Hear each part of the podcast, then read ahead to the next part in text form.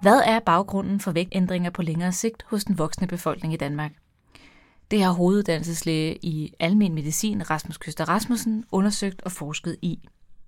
Det lader ikke til, at vægttab i sig selv er sundt, men at de interventioner, der lader op til vægttab, sådan noget som kostændringer eller rygestop eller motion, i sig selv bedre patienternes sundhedstilstand på længere sigt. Overvægtige vil altid være overvægtige. Vægttab er et forkert udgangspunkt at have, når det kommer til sundhed. Hør Rasmus fortælle mere om det i Ugeskriftets videnskabelige podcast. Mit navn er Sidra Butt.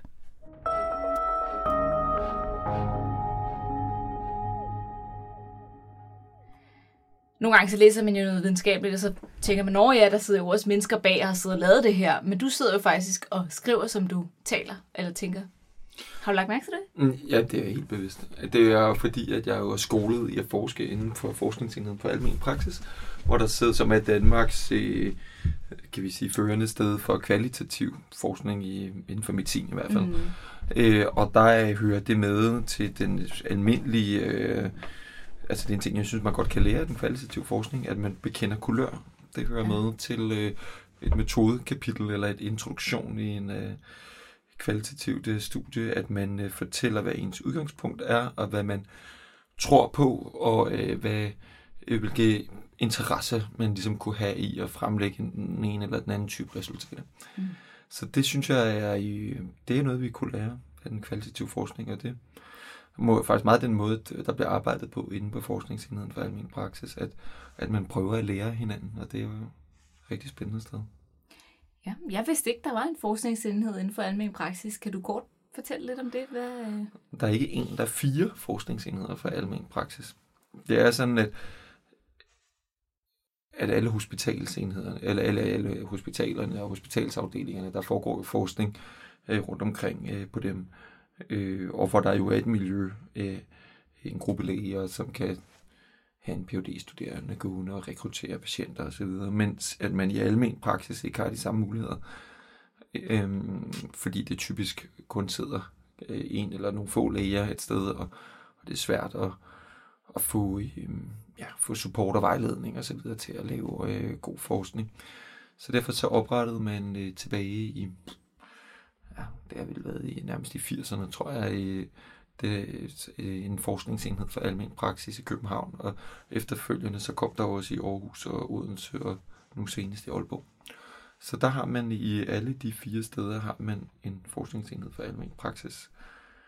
Øhm, og selve forskning i almen praksis har jo oplevet et kæmpe boost her de sidste 10 år, hvor øh, det er gået fra at være nogle få projekter øh, og og med få phd studerende og så videre til virkelig at, til at der er rigtig mange phd studerende mm.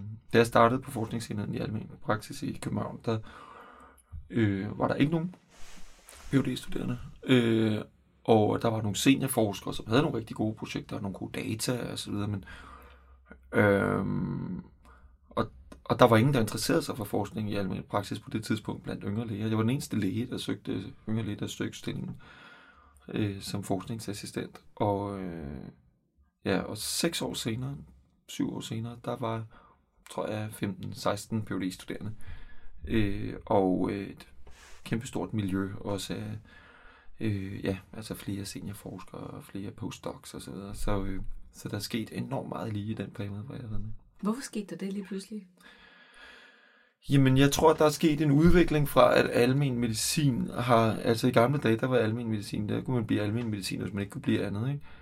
Og der blev øh, set sådan lidt ned på almen medicin, og, hvilket der måske gør faktisk lidt stadigvæk blandt nogle af de gamle øh, øh læger på hospitalerne. Øh, for almen medicin blev først et speciale for godt 20 år siden. Og så har det simpelthen bare taget tid at opbygge den, øh, ja, den prestige, der skal til, og den øh, uddannelse, der skal til, for at man ligesom bliver godtaget som værende et ordentligt og et rigtigt special. Mm. Og øh, på den måde så har faget måske heller ikke haft en konkurrence, som har gjort, at man har været nødt til at forske, øh, fordi alle kunne jo blive praktiserende læger, øh, hvorimod ikke alle kan blive øh, overlæge øh, Øh, der skal, skal man så irritere sig på den ene eller på den anden vis. Øh, Men i takt med, og formentlig er forholdene blevet værre og værre på hospitalerne, så er flere og flere søgt ud i almen praksis, og der er kommet mere og mere konkurrence om det, og, og nu er der faktisk øh, jo et af de mest søgte specialer, og der er meget større søgning, øh, end der er af pladser. Øh, men, men det er nu ikke derfor, der er forskning, altså det er egentlig ikke derfor, folk forsker. Folk forsker i almen medicin, fordi det interesserer dem, ikke fordi de skal.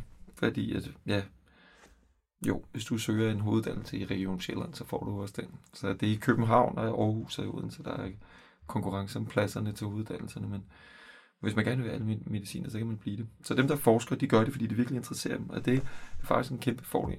Øh, for det gør også, at det er et meget åbent miljø, hvor man arbejder meget sammen, og man konkurrerer ikke med hinanden, men øh, der er i hvert fald ikke en indstilling om, at man konkurrerer med hinanden. Tværtimod, så prøver man at tale hinanden op og hjælpe hinanden til, for at få specialet fremad, og det er enormt positivt og meget øh, dejligt miljø at være i. Mm.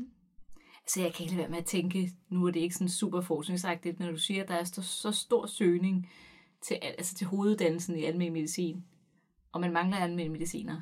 Hvad tænker du omkring det? I hvert fald i yderområderne mangler man. Jamen, det er jo ikke, øh, det er jo ikke kun et problem omkring almen medicin. Det er jo et problem også med andre læger og med ingeniører og med øh, alle andre professioner. Der mangler man jo højt uddannede øh, folk ude i yderområderne. Det bliver bare meget synligt, når det er læger, øh, fordi vores sundhed er så basal. Så hvad mener jeg om det? Jo, det er jo ligesom med alle andre fag, at folk vil gerne, eller ikke fag, men ligesom i alle andre forhold, så vil folk gerne bo i byerne, og de gider ikke bo ude på landet. Og sådan er det også med læger, mm. og også med almindelige mediciner. Så, øhm, men personligt synes jeg, at det er langt det sjoveste at arbejde ude på landet, at komme så langt ud, der hvor kravene vender, der kan man virkelig få lov at lave noget rigtig almindelig medicinsk lægearbejde.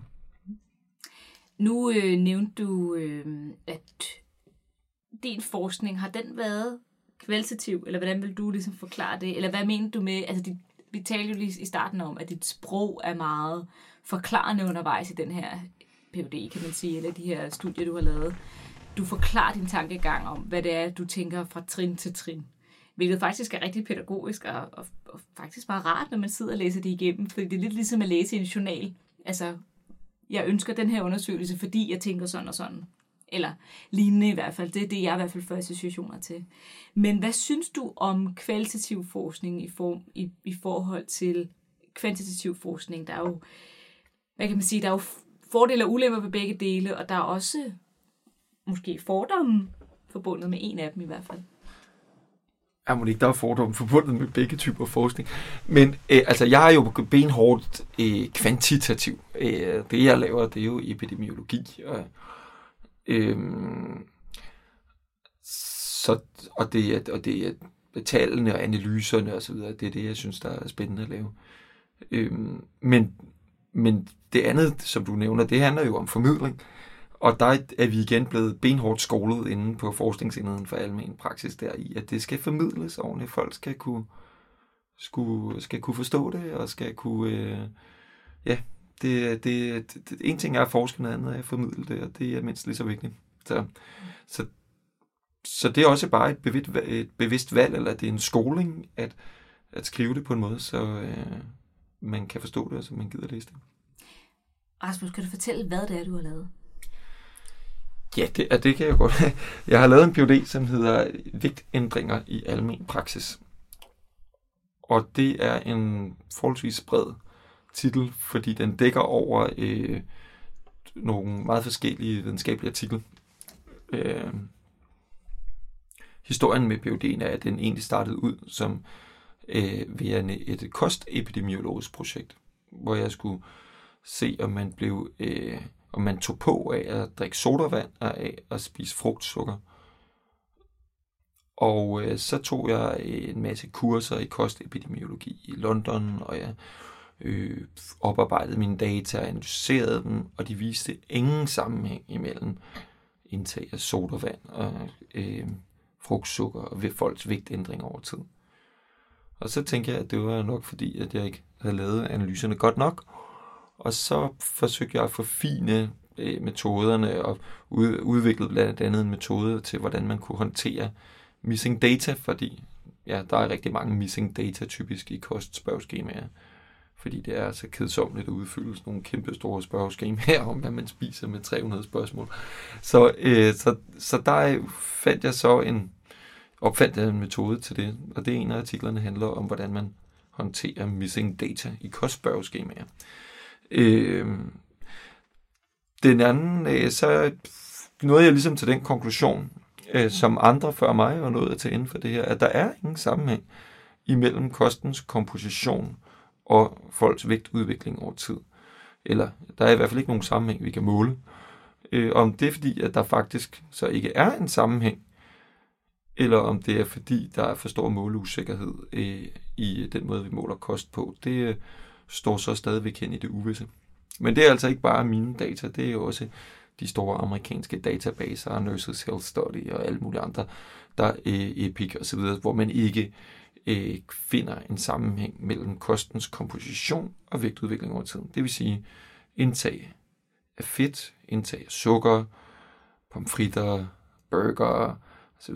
Man kan ikke måle det her nogen som helst betydning for øh, vægtudviklingen over tid hos almindelige mennesker, eller skal vi sige hos folk, som, øh, ja, som, øh, som ikke er ja, øh, som ikke folk, som ikke lige har været på slankekur eller noget andet. Altså hos en uselekteret befolkning har øh, øh, kostens komposition ingen betydning for vægtudviklingen over tid, hvis man justerer for det totale energiindtag.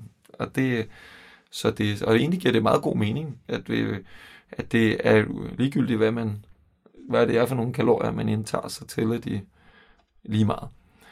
Øhm, det, som der så er, er interessant øh, i, øh, i den her diskussion blandt andet, det er så også, hvad, det, hvad er det så, der gør, at nogen indtager færre eller mindre kalorier og kan er det, er det, er det, er det, lige så, er det vanskeligt at spise lige så mange kalorier, hvis man spiser gulerødder, som hvis man spiser Matador Mix.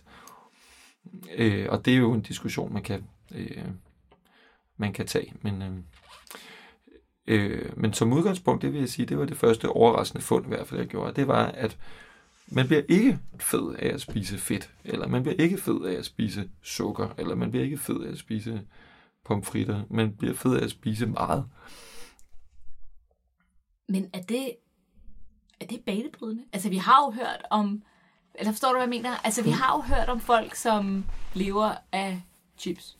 Spiser kun chips. Så kan det være, at de mangler nogle øh, vitaminer og mineraler eller videre, men de lever af chips, men holder sig inden for kalorier, altså deres basic metabolot, eller hvad det hedder, basal metabolisme.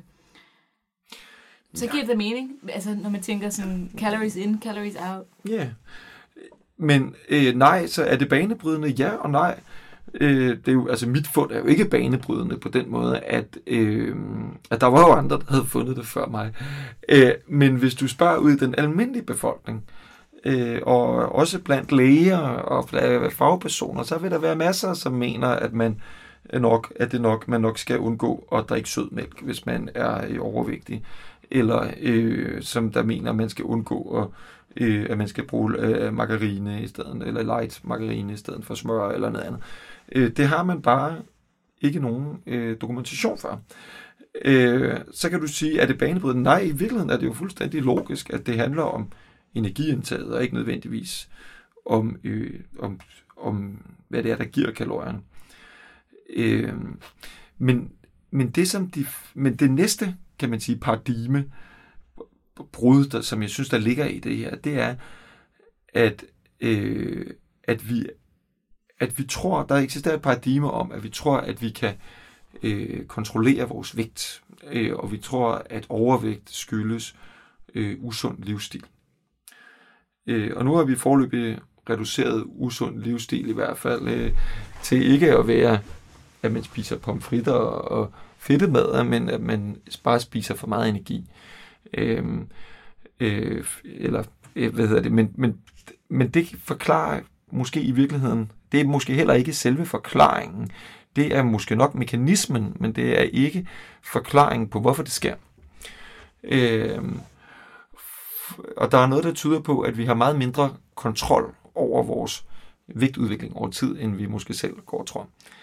Øhm, Jeg så en meget interessant udregning på et tidspunkt, som øh, viste, at hvis en mand, som vejede 150 kilo og var 50 år gammel, hvis man kiggede på, hvor mange procent af hans energiindtag, der var blevet til fedt igennem tiden, hvis man antager, at han var normalvægtig som 20-årig, og så over de næste 30 år, så havde taget øh, på og var øh, blevet svært overvægtig.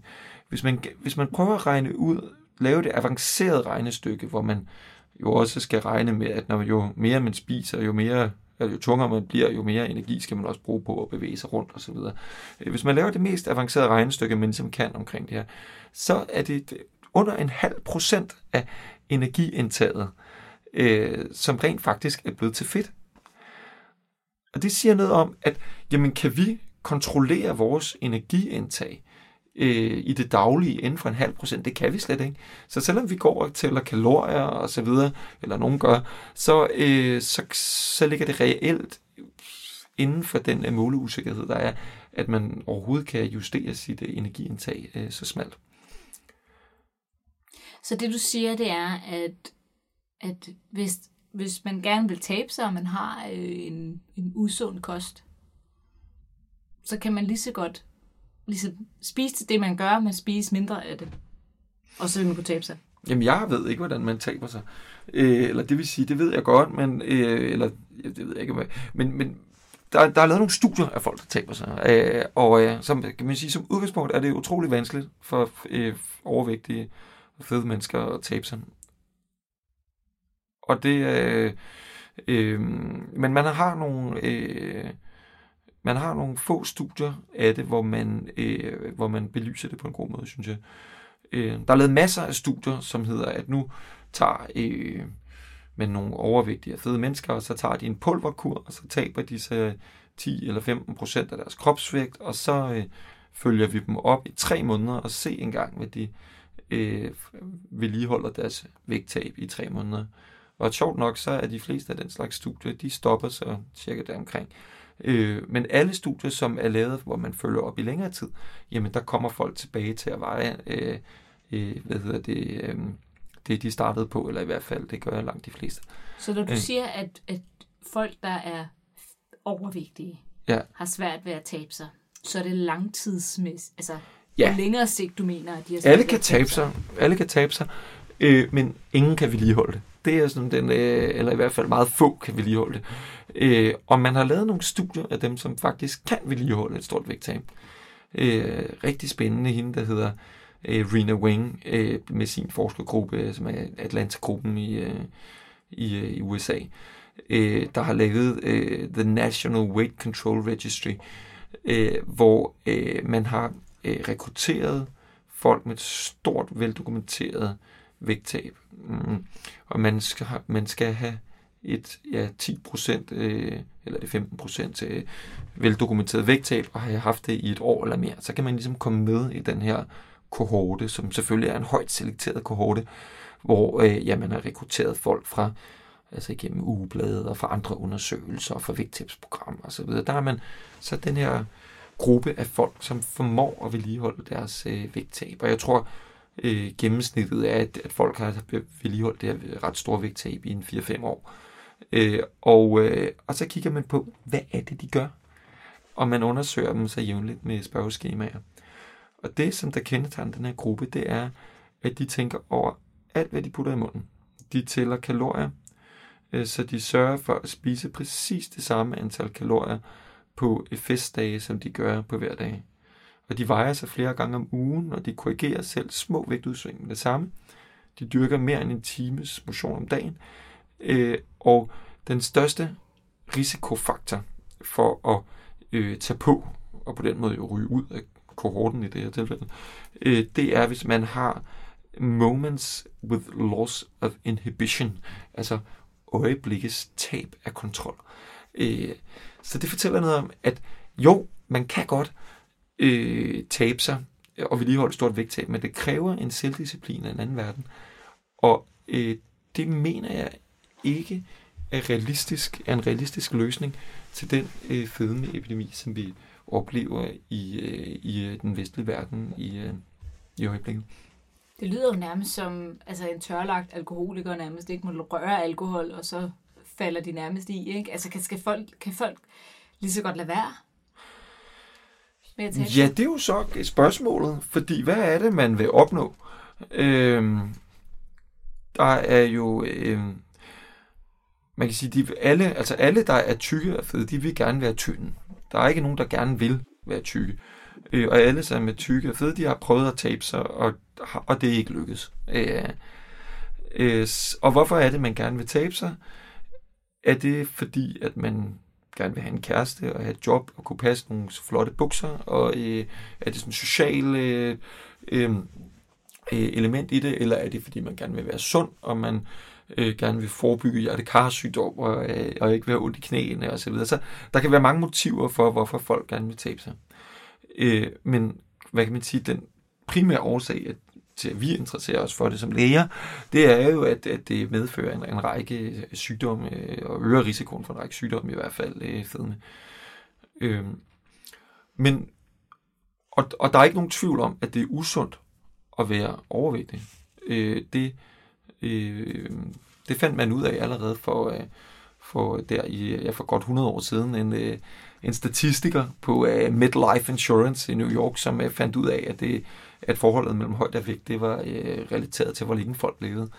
Øh, at, og der, øh, fra dag af, der bredte det sig ligesom det her med, uh, det er usundt at være øh, overvægtig, og øh, så må vi nok hellere tabe os. Der lavede man den der, ligesom, vil jeg sige, kortslutning. Øh, fordi man har faktisk aldrig haft noget øh, godt bevis for, at det så er sundt at tabe sig på den måde, at man ændrer sin prognose af at tabe sig. Det gælder i hvert fald, når man kigger på øh, overlevelse og på hjertekarsygdom og på kræft og på, øh, på den øh, type sygdomme. Øh, der øh, øh, øger overvægt godt nok risikoen, men man sænker ikke sin risiko ved at tabe sig. Øh, med andre sygdomme, som for eksempel slidgigt i knæene og så videre, der kan det være, der er der god fornuft i at, at tabe sig, der, der forbedrer man også sine symptomer. Men kigger vi på ja, overlevelse og hjertekarsygdom, så kan man ikke måle øh, nogen øh, forbedring. Er det ikke lidt kontroversielt at sige? Eller hvad tænker du? Fordi det er jo, det, det er jo ligesom det. Er det ikke det, I gør i almen praksis? Og få folk til at tabe sig? Øh, nej, altså jeg tror... Altså kramfaktoren, ikke? Øh, Nej, jeg på. ja, men det er måske lige præcis det, der så er min pointe. Fordi hvad er krampfaktorerne? Jamen det er jo kost øh, og rygning og, øh, øh, og, og motion og alkohol. Øh, og, eller krams, hvis du skal huske S'erne selvfølgelig. og hvad, hvad er det, S'et er? Må du minde mig om det, det er jeg ikke Jamen, det er, øh, tror det er øh, so- social, det, fire- S'erne står for fire ting. Jeg mener, det er noget socialt og seksuelt og... Ja, det er de to ting, jeg kan huske Nå, jamen, så avanceret er jeg ikke, var jeg ikke i min PhD, så Nå, jeg havde okay. dem med. Men i hvert fald, så er, øh, så, så er det faktisk rigtig interessant. Fordi at øh, den, dem, som der ville kritisere øh, mit, øh, det, som jeg sidder og siger nu, de ville, øh, de ville sige, at det er, er en viden, man har opnået med øh, kohortestudier. Og i kohortestudier, der er der øh, den fejlkilde, mm, at hvis man kigger på sammenhængen mellem øh, i folks vægtudvikling og deres prognose for, eller deres forekomsten af, af hjertekarsygdom eller øh, af død, øh, så øh, vil der være en tendens til, at folk øh, taber sig, fordi de har en eller anden ikke erkendt sygdom, og så dør de. Øh, og så kunne det umiddelbart se ud som om vægttabet er relateret til død. Øh, og det er jo det, som hele øvelsen så i den her type studie, som jeg har lavet og arbejdet med, går ud på. Hvad kan vi justere for de her øh, confounder, øh, at ikke er kendt sygdom og komorbiditet og øh, for bare alder i det hele taget og, øh, og så videre. Kan vi justere os ud af det? Øh, og det kan man aldrig vide jo i et kohortestudie, og man har ligesom har justeret sig helt ud af det. Øh, men faktum er, at hvis man prøver på det og gør det så godt man kan, og altså øh, øh, virkelig forsøger at fremstille vægttabet, skal vi sige, så positivt et lys som muligt, så havner vi stadigvæk på, at der er øh, at der, man ikke kan vise nogen positiv effekt af det. Der er, de fleste studier viser faktisk, skal vi sige, en, en, en skadelig effekt umiddelbart af at tabe sig, men det skal man nu nok tage med et grænsalt. Jeg tror ikke, det som sådan er, er skadeligt at tabe sig, men jeg tror bare ikke, det har nogen, umiddelbart nogen effekt på øh, den risiko øh, for hjertekarsygdom øh, og, og de andre øh, sygdomme, som, øh, som vi måske mange af os går og tror. Og øhm, problemet er, at vi kan vi vil jo gerne vide noget om det her, og det er rigtigt, at, at kohortestudier har nogle svagheder. Problemet er, at vi ikke kan lave interventionsstudier. Og nu kommer vi nemlig tilbage til kramfaktorerne. Øh, for øh, hvordan, vil, hvordan skulle man lave et interventionsstudie af vægttab? Jamen, øh, må man gå ind og give dem en øh, bestemt diæt, eller øh, få dem til jeg lige vil sige, få dem til at starte med at ryge, men få dem til at holde op med at ryge, og altså laver en motionsplan, og ja. du sidder og nikker. Ja, det lyder også rigtig godt. Problemet er bare, at du ikke intervenerer med et vægttab.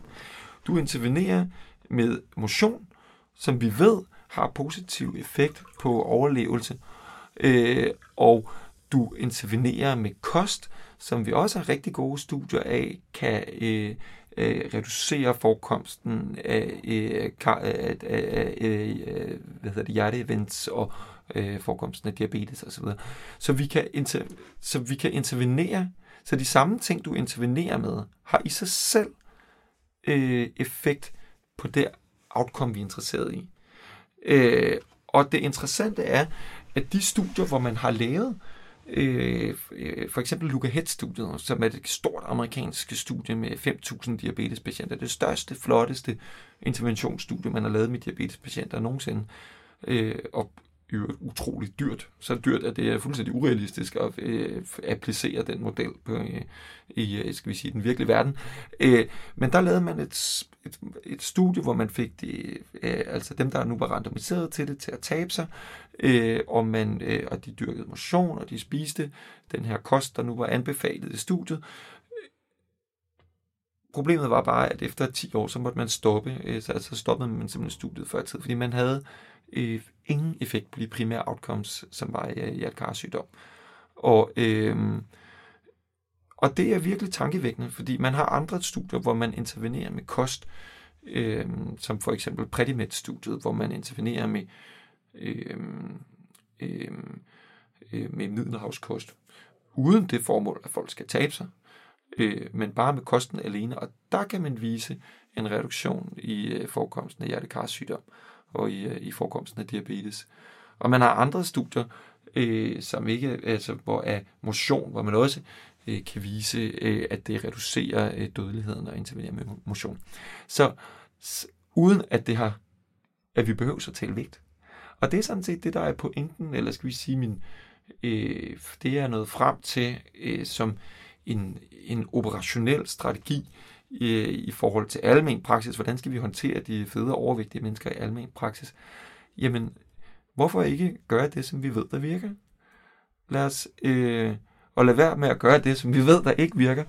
Øh, lad os lade være med at prøve at få de fede til at tabe sig, fordi det kan de alligevel ikke. Men lad os i stedet for prøve at få dem til at motionere, og få dem til at spise sundt, fordi det ved vi virker, øh, og reducere deres risiko for sygdom.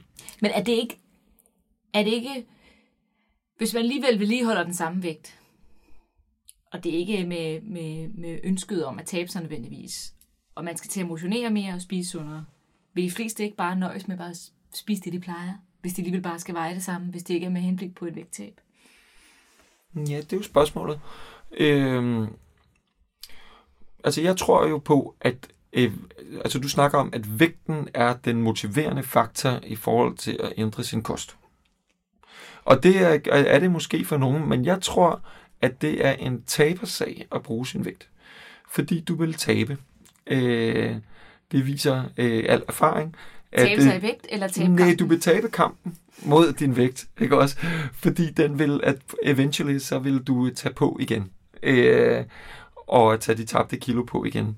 Mens at hvis du forestiller dig, at du i stedet for at tage din telefon op af lommen og tænder for din skridttæller, som er i alle øh, vores telefoner, jamen så kan du hver dag måle, at nu har du gået 7.000 skridt, nu har du gået 8.000 skridt, og det er en sejr. Mens at hvis du tager din vægt op og kigger på den hver dag, jamen så vil det gå godt i en, måske en periode, når du virkelig tager det sammen, og så vil det gå dårligt og dårligt i lang tid, hvor du tager på og på og på igen. Så, øh, så jeg tror, at, at, og det er måske det, der udfordringen, øh, at operationalisere det, hvordan kan vi få øh, selve kosten og selve motionen til at være øh, målet i sig selv, uden at vi skal ind over et vægttab. Hvad med, helt hvad med at tænke, Rasmus? Du sagde, du sagde jo tidligere, at dem, som havde opnået vægttab, skulle være ekstremt disciplinære omkring deres kost og motion og videre, for at kunne vedligeholde et vægttab over længere tid. Hvorfor skal de det? Er der ikke, altså der er jo nogle mennesker, øh, som forholder sig, altså har en metabolisme, der gør, at de er slanke lige meget, hvor mange familiepizzaer de spiser, eller hvor mange, hvor meget mad de spiser. Hvorfor er der nogen, der er dømt til, at de skal være så disciplinære med deres kost, når de engang har været tykke? Det er et rigtig godt spørgsmål. og, øh, øh, og hvis man kendte svaret på det, så, var man, øh, så kunne man nok få Nobelprisen. Øh, men, men der er ikke nogen... Øh, hvad skal vi sige? Det, genetik er, øh, betyder rigtig meget. Øh, og skal vi sige, når man kigger på tvillingestudier, øh, som man typisk øh, fortolker som øh, værende øh, genetik, øh, øh, der, øh, der kan man så vise, at der måske er en 80% øh, koherens imellem øh, enæggede tvillinger. Øh, og, øh, og, og så kan man ekstrapolere den viden, det er der nogen, der gør, til at mene, at det så er 80% øh, genetik. Øh, men det kan man nu indvende flere ting imod. Det første, man kan sige om det, er, at genetik er jo aldrig bare genetik. Det er jo også et samspil med miljøet. Øh, men der er ikke nogen tvivl om, at, der, at vi er i hvert fald på en eller anden måde programmeret til øh, de fleste af os til at overpope øh, fedt i en eller anden grad. Øh, og i takt med, at vores øh, miljø har ændret sig med en vestlig livsstil osv., hvor vi øh, hvor postbuddet kører på elcykel, og hvis de overhovedet kører ud, øh, og at der er elevatorer og biler og så videre. Øh, øh, der, der er ikke mange markarbejdere tilbage, øh, og der er jo, kan man sige, et, øh, en tilgængelighed af, af mad var alle vegne og så videre. Så vi, vi snakker om sådan et obesogenic society, øh, hvor det... Øh, hvor det vi måske er skabt til som mennesker, og øh, at leve et hårdt liv, hvor vi sulter en gang imellem og så videre, og bevæger os rigtig meget, det, der er, et, der er et mismatch der, og det er jo også det, man ser, at fedmeepidemien breder sig i de lande, hvor man, øh, hvor man får en, en festlig livsstil. Øh, men det, som der så er meget interessant øh, men i det her, det er, enæggede tvillinger, de har mere til fælles end bare deres genetik. De har også et, en, en ni måneders historie til fælles, hvor de har ligget inde i øh, mors mave og har haft det samme miljø. Øh, og øh, det tror jeg øh, personligt har en meget stor betydning for øh, udviklingen og programmeringen af øh, metabolismen. Man kalder det det øh, DOHAT-hypotesen, Development of Health and Disease, øh, øh, hypotesen omkring, øh, eller epigenetik-hypotesen øh, omkring, hvordan vores øh, hvordan vi bliver påvirket og programmeret helt tidligt i fosterstadiet. Og der har man nogle rigtig spændende studier. Et, et som jeg fortæller om, øh, et, et hedder The Dutch Hunger Winter Study, øh, som er, virkelig er meget tankevækkende, øh, hvor man i 1943 i Holland havde en, øh, en forfærdelig vinter, hvor man hvor Holland var besat, og det, der var frost, og der var sult, og der var nød i Holland, og det spandt sig ud imellem øh, to ret veldefinerede datoer, øh, en tre måneders periode. Og man har så analyseret de kvinder, som var gravide i deres, øh, der var, der var gravide i den her periode. Deres børn har man kigget på 50 år senere.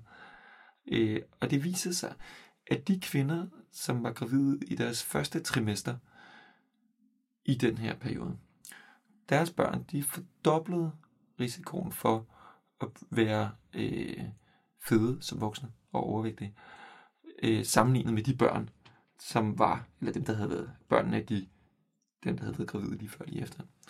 Mens at de kvinder, som var gravide i deres tredje trimester, deres øh, børn, da de jo så var blevet voksne, øh, havde ikke en øget risiko for fedme, men havde til gengæld en 50% øget forekomst af glukoseintolerans og diabetes.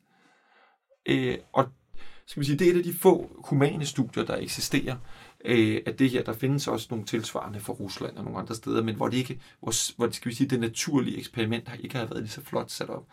Øh, men det her, det kan man altså gøre efter i dyremodeller. Fuldstændig. Man kan programmere øh, dyremodeller, altså fra Morula, altså hvor vi har øh, en samling af øh, 20-50 celler, eller hvor mange der er. Øh, hvis man påvirker øh, mormusen, eller hvad det nu er for et dyr, man kigger på i den her sammenhæng, man kan gøre det med alle mulige forskellige typer dyr, øh, med stress, eller med sult, eller med andre ting, så kan man simpelthen påvirke metabolismen af afkommet. Øh, og, øh, og jeg tror, at denne her metaboliske programmering, den øh, har, jeg tør ikke sige, om det er den, der er, øh, er, er årsagen til fedmeepidemien. Det, det skal man nok vare sig for, men den, jeg tror i hvert fald, det har en betydning. Og, øh, og vi ved meget lidt om, hvad det er, der øh, programmerer, eller hvad det er, der disponerer til hvad hos outcome'et. Og det kunne jeg rigtig godt tænke mig at forske øh, fremadrettet hos mennesker. Det er faktisk meget sjovt, fordi nu hvor du nævner det der Dutch Hunger Study, at øh, det er sådan lidt populær videnskab, eller hvad man siger. Men Audrey Hepburn blev født der, i den, i den periode. Og hun, øh, hun udviklede senere i livet busbøg eller pankreascancer, og døde af det. Ja, altså jeg altså, tør, ikke, tør ikke sige, om det nej, nej, er, det, nogen nej, nej, nej, det er meget sjovt, men, fordi der er nogen... Nej, hun er bare berømt, det er derfor, ja, man husker hende. Ja. Men man har faktisk man har faktisk også lavet nogle undersøgelser, og nu kan jeg ikke lige helt huske det, fordi det var ikke lige det, øh, det handlede om i dag, men, øh, men man har faktisk lavet nogle studier om, at børn af kvinder, som har været udsat for ekstrem hunger, måske også har en øget risiko for cancer. Men det er noget, men det, det, det stemmer er, jo altså umiddelbart rigtig fint overens med den øh, viden, man har om, omkring det felt her.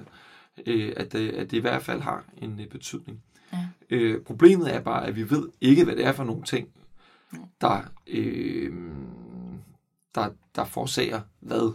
Øh, der skal vi sige, den kausale sammenhængsrække er så lang og så kompleks, at det vi ikke ved det, og vi har ikke nogen gode eksperimenter for det. Mm-hmm.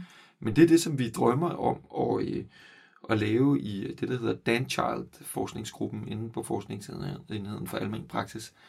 Øh, det er, at vi har jo i virkeligheden fuldstændig setup'et til det her. Øh, de gravide kvinder kommer jo i almen praksis typisk omkring uge 6-7 stykker øh, og får konstateret graviditeten, og de kommer ja, tre gange i løbet af graviditeten, og og syv gange til børneundersøgelserne. Og, øh, og der kunne vi rigtig godt tænke os at indsamle de data og systematisere dem, så øh, vi kunne, øh, skal vi sige, så vi kunne analysere dem, at vi kunne se børnene, hvordan de voksede, hvordan deres vægt udviklede sig, og hvilke nogle forhold den gravide havde haft øh, øh, ja, under graviditeten.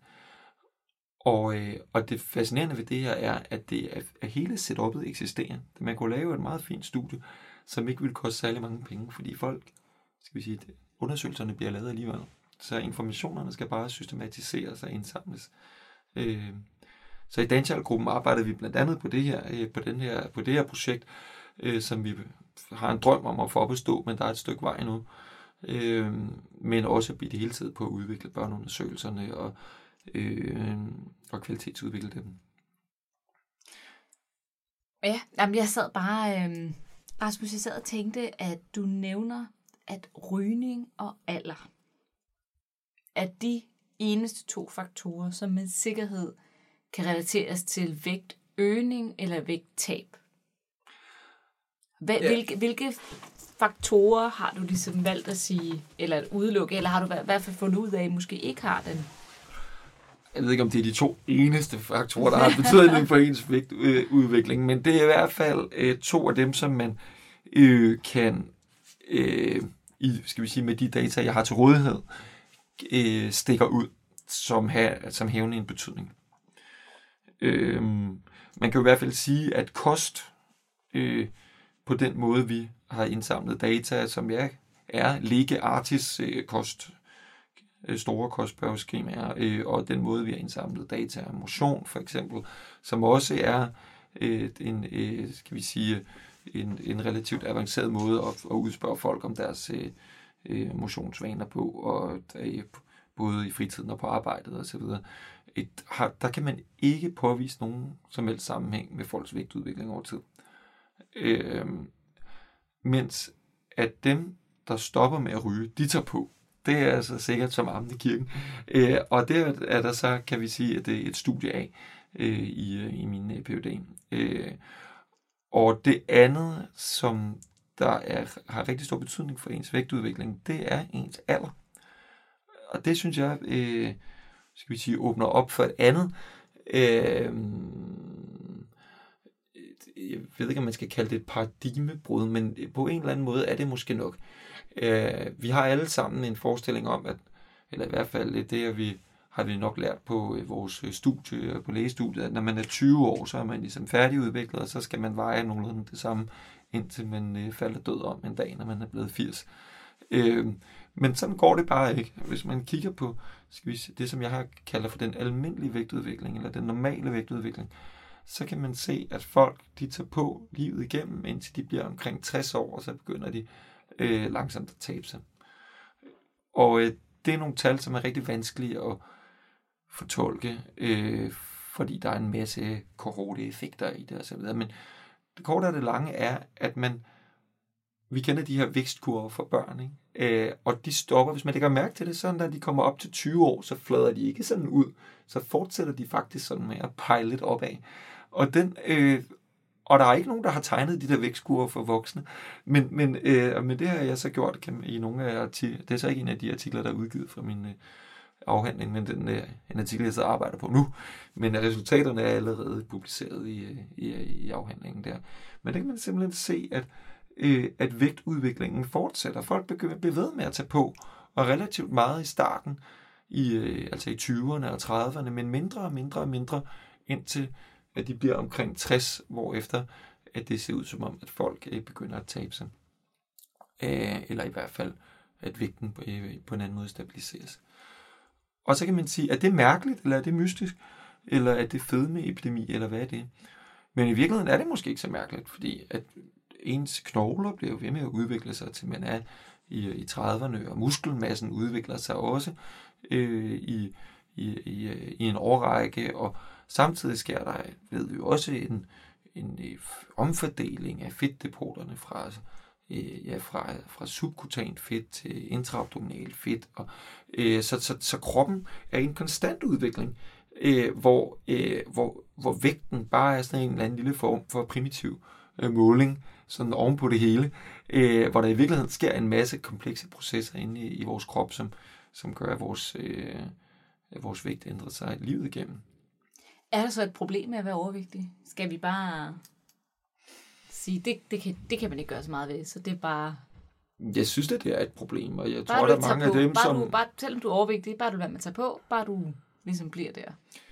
Det er et problem, men vi har, ikke, vi har bare ikke øh, nogen gode løsninger på det, eller vi har i hvert fald ikke hidtil haft nogen øh, stor succes med de strategier, man har haft. Det er jo ikke fordi, at for at der ikke har været nok af tiltag omkring, at, øh, at nu skal man nu skal de fede tabe sig, og nu skal de på slankekur, og nu skal de spise pulver, og nu skal de det ene, og nu skal det andet. Øh, og øh, problemet er, at det hjælper bare ikke. Og vi ved ikke engang, om det er sundt. Øh, så jeg synes faktisk, det er øh, vi skal passe lidt på, hvad det er egentlig taget, vi opfordrer øh, de fede til.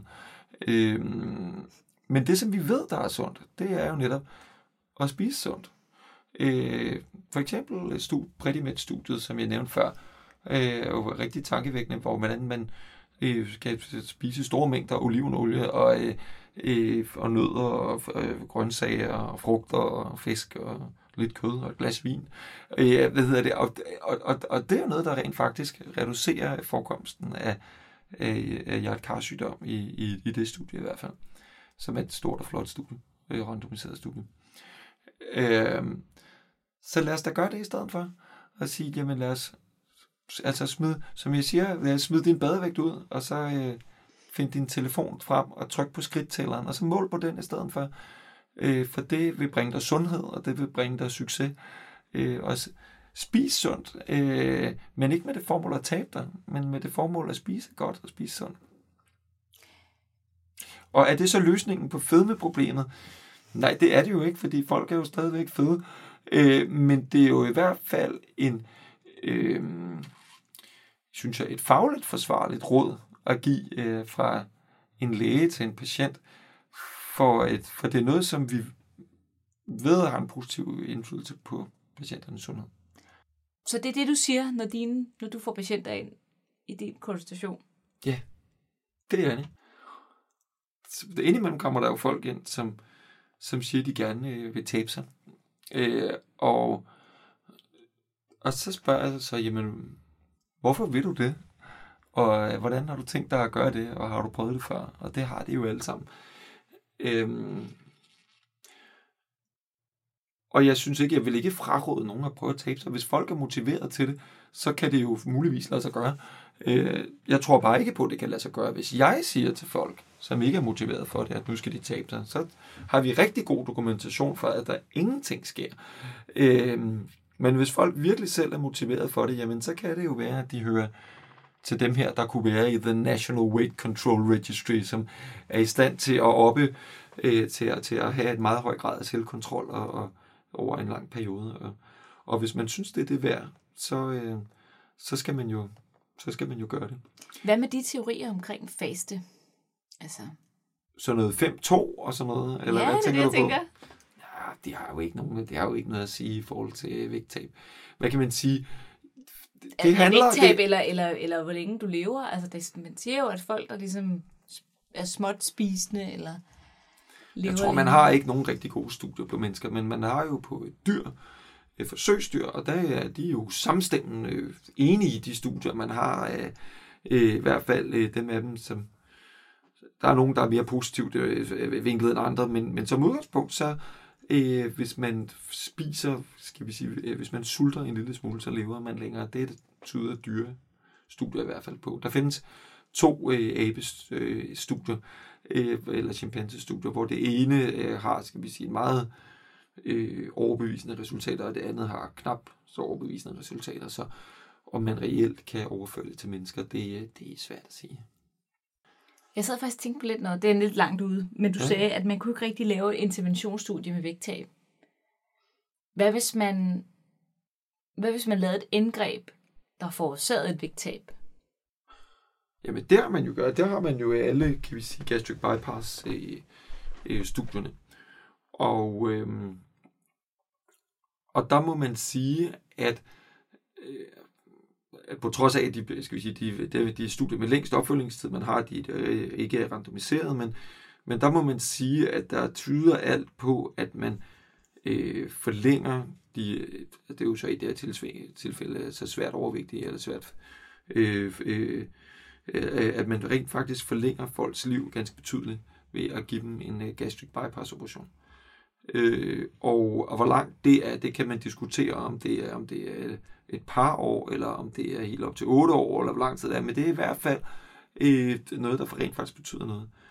Og, øh, og der øh, synes jeg, det er virkelig tankevækkende, at man jo øh, at man jo har valgt fra øh, altså fra Sundhedsstyrelsen eller politisk side i hvert fald, og ikke at øh, fortsætte med de fedmeoperationer, som, øh, som, man, øh, som man havde godt gang i derfor øh, for små 10 år siden. Og, altså og du nu, mener, at BMI-grænsen er ændret? Ja, altså man, lavede, man ændrede BMI-grænserne fra, øh, at, øh, at hvis man havde øh, øh, komobilitet, så var øh, BMI-grænsen 35, og det er den sådan set fortsat i dag. Øh, men hvis man ikke har betydende eller svær komobilitet, så øh, er det, så er det stort set umuligt i dag at få en, øh, en fedme øh, operation. Du skal have sukkersyge, eller du skal have hypertension. Ja, og der skal ikke bare være sukkersyge, det skal være sukkersyge i en sådan grad, at det øh, øh, dårligt kan kontrolleres på anden måde. Det er i hvert fald rigtig svært og der er, øh, at få en fedmeoperation der. Der er et meget større, meget større efterspørgsel, øh, end der er øh, operationsklasser. Det synes jeg ærligt talt er temmelig betænkeligt. Øh, godt nok har fedmeoperationerne en del bivirkninger, øh, men jeg synes også, at det er rimelig veldokumenteret, at de, øh, at de også har en livsforlængende effekt, og det er jo ikke noget, man byder øh, patienter med hjertesygdom. At øh, nej, desværre, vi laver kun øh, en tredjedel af de øh, hjerteoperationer, som ellers ville forlænge folks liv. Øh, og, og det bunder simpelthen i en... Øh, jamen det bunder tilbage i den her, det her paradigme om, at det er folks egen skyld, at de er fede. Øh, det, det tror jeg, det ligger dybt i, i mange af os, at, øh, at, at folk, de er også bare blevet fede, fordi de har en usund livsstil, og de kan bare tage sig sammen og tabe sig. Men det kan de ikke. Øh, eller det er da i hvert fald de første af dem, der kan.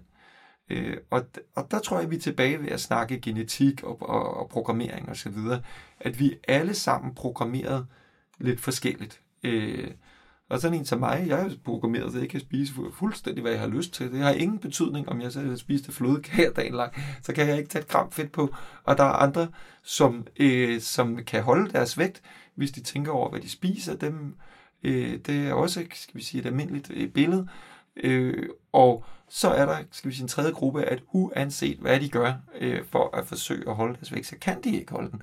Øh, så, så man skal også forstå, at folk er forskellige, folks udgangspunkt er forskellige. Jamen, men nu taler du om den tredje øh, gruppe her, og det er ikke for at lyde sådan øh, fordomsfuld fordomsfuldt på den måde, for der er jo fordom omkring det, at at folk ligesom ikke har disciplin, disciplin nok til at kunne styre deres. Altså folk siger, så er der jo, hvis, man, hvis, der, hvis folk siger, jeg kan ikke tabe mig, så tag dog en tur på løbebåndet, eller spis dog en is mindre. Øhm, og du siger jo, har jo også tidligere nævnt den her binge eff, altså effekt, det der med, at folk ikke kan holde et langvarigt vægttab, fordi at lige pludselig så spiser de to liter is. Er, er det ikke deres egen skyld, at de går hen og spiser to liter is lige pludselig, eller ikke kan det, det er umiddelbart valg er jo, kan du godt sige, af folks egen skyld. Mm. Men problemet er, at du, at du kan godt kontrollere dit fødeindtag i en kort periode. Men over en lang periode, så kan du ikke. Altså, så vinder naturen og din programmering. Og det, man ser, det er jo også, at de... Altså, jeg tror, at vores energiindtag dybest set er øh, reguleret, øh, ligesom af nogle homeostatiske processer, ligesom vores blodtryk og vores kolesteroltal og andre ting er reguleret. Øh, og, øh, og det er nogle balancer, hvor vi kan godt, øh, med, lige præcis energiindtag, der kan vi jo så netop stoppe med at spise øh, en periode, men på et eller andet tidspunkt, så tager naturen over, så skal du, så, så taber du, eller i hvert fald gør flertallet taber kampen øh, mod naturen. Øh, og i virkeligheden er det jo, kan man sige, det er jo lidt det samme som Holbæk-gruppen, øh, som der arbejder med de overvægtige og fede børn. Øh, arbejder, de arbejder jo også med et benhårdt regime, som ikke kan gradbøjes. Det er, øh, det er fuldstændig øh, rigidt, at man skal følge de her regler. Øh, så kan man også godt holde de, de børn, som har været, for så kan man også godt få de fede børn til at tabe sig, eller i hvert fald få dem til at få et lavere BMI, og, og holde det sat ud som om over en periode. Øh, men det kræver altså en, en, en selvdisciplin og en, øh, et, et, et, øh, ja, et, et, et benhårdt regime, som ikke bare er, mens man taber sig, og så de næste par år eller noget. Det, det, det er livslangt. Øh, og kan man lære folk det? Er, er det, hvad, er det, er det, det er der nogen, der kan, men, men øh, for flertallet, så øh, det, det, det tror jeg ikke på. Og jeg, jeg tror i hvert fald ikke på, at vi kan gøre det fra almen praksis. Så, øh, så det, det er nogle andre kræfter, der skal til sig. Tak skal du have.